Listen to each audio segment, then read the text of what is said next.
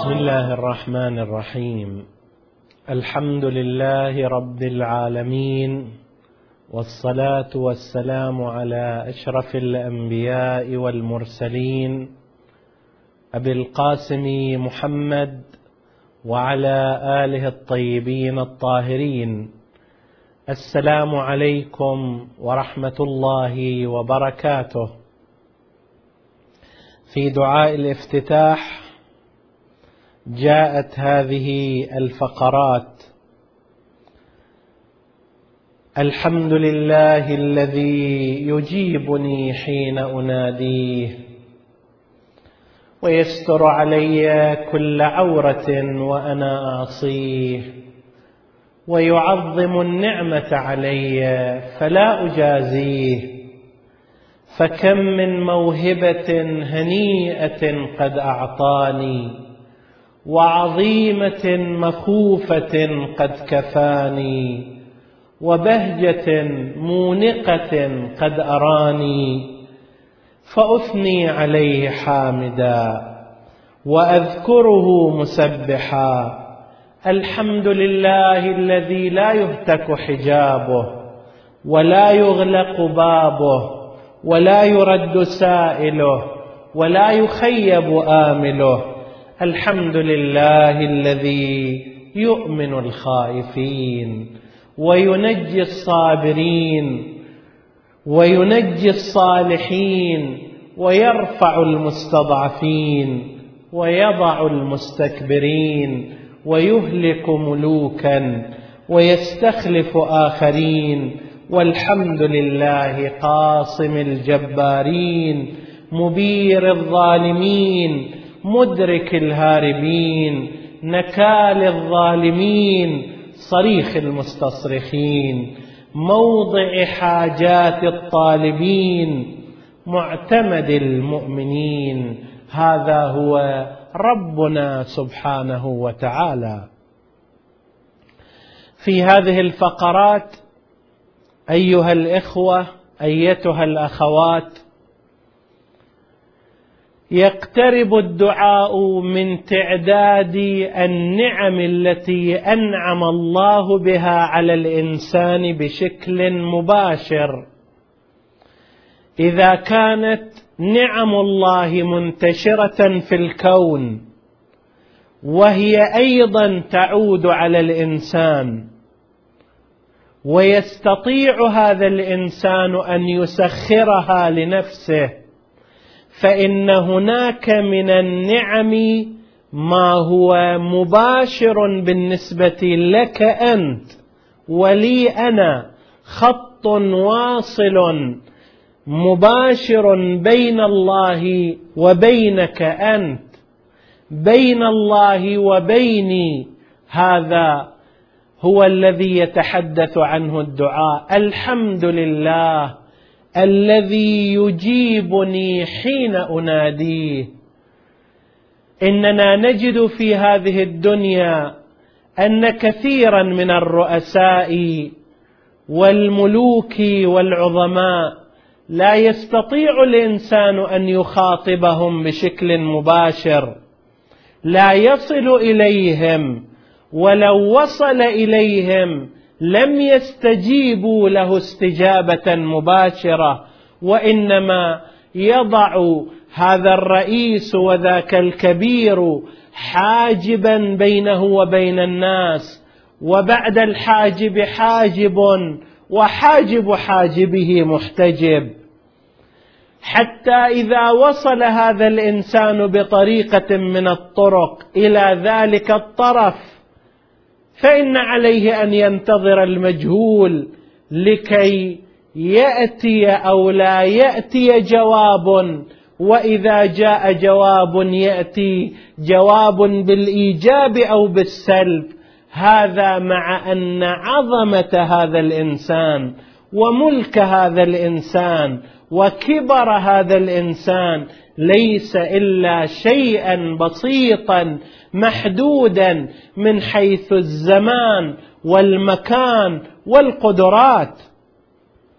لكن العظيم الذي لا عظمه كعظمته ولا أحد إلا هو دونه هذا يعقد بينك وبينه صلة مباشرة. يقول لك تعال إلي أسمعني صوتك لا حرك قلبك.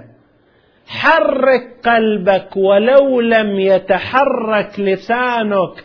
اعقد الصلة المباشرة بين حركة قلبك وبين خضوع ذاتك وبين تصورك لذنبك وأرسل ذلك في لحظة واحدة في طرفة عين إلى ربك. تجد الله مستمعا لك بالذات متلقيا نداءك بالذات.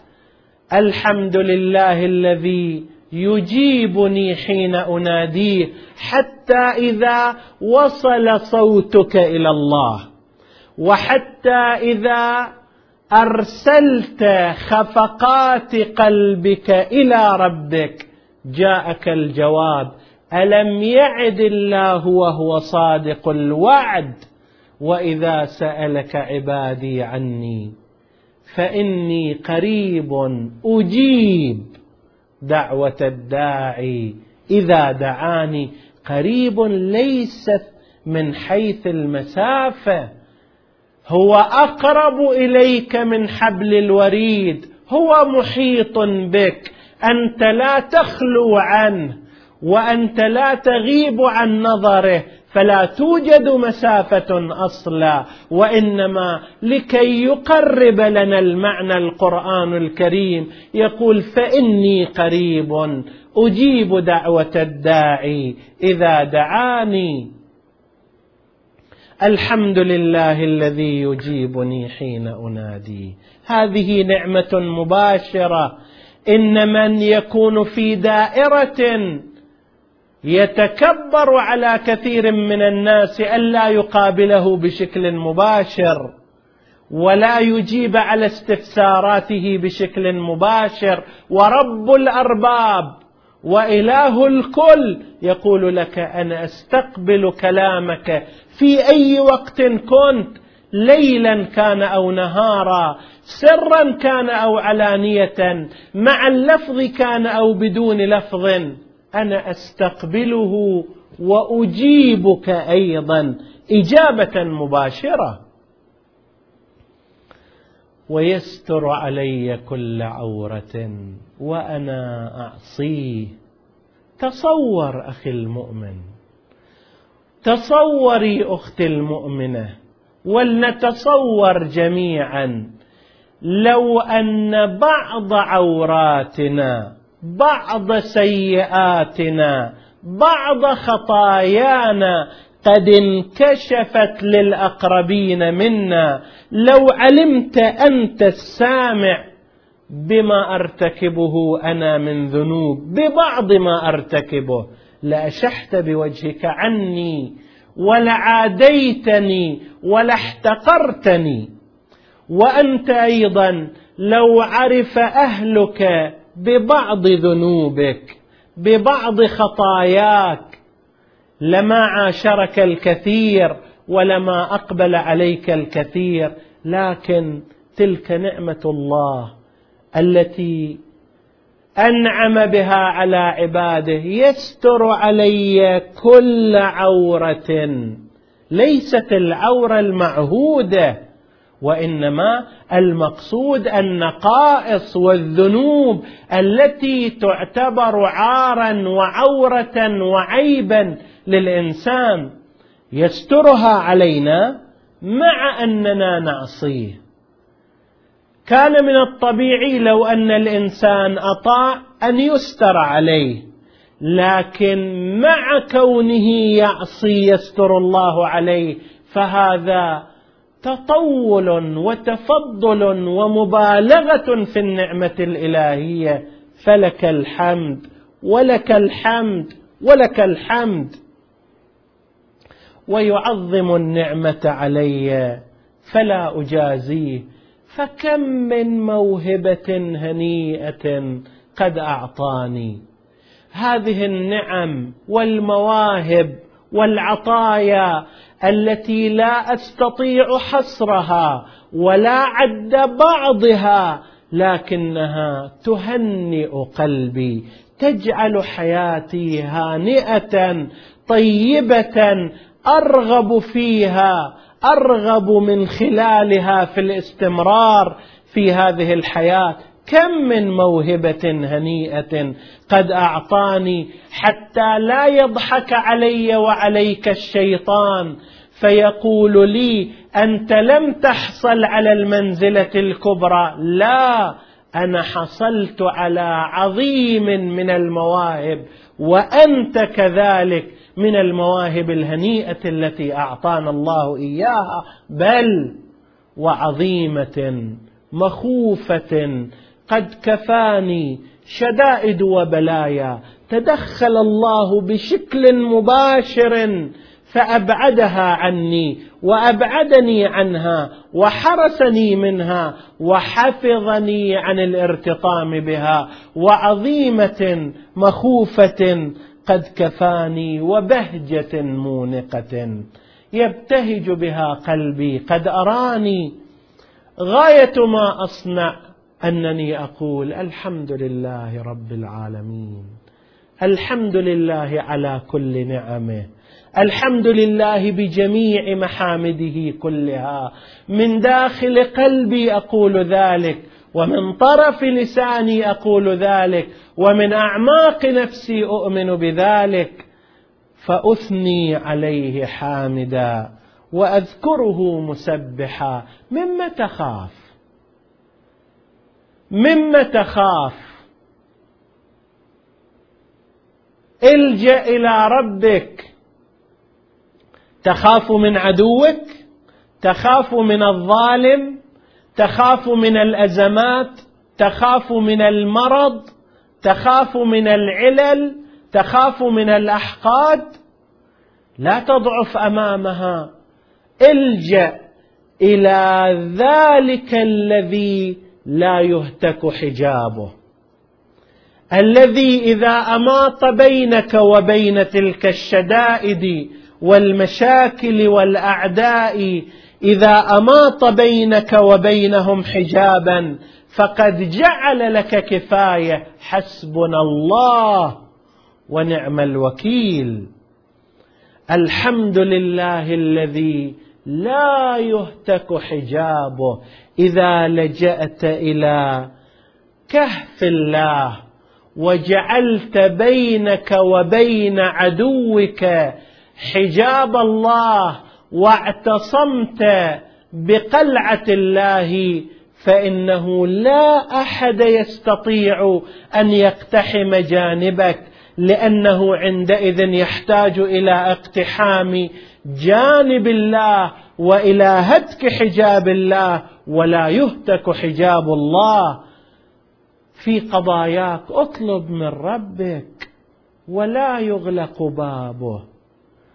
إلى متى تسعى وأسعى ونسعى وراء زيد وعبيد مستجدين حوائجنا طالبين حاجاتنا مريقين ماء أوجهنا بين أيديهم لنقصد إلى الله الذي لا يغلق له باب ولا تنفذ عنده خزائن ولا يرد سائله.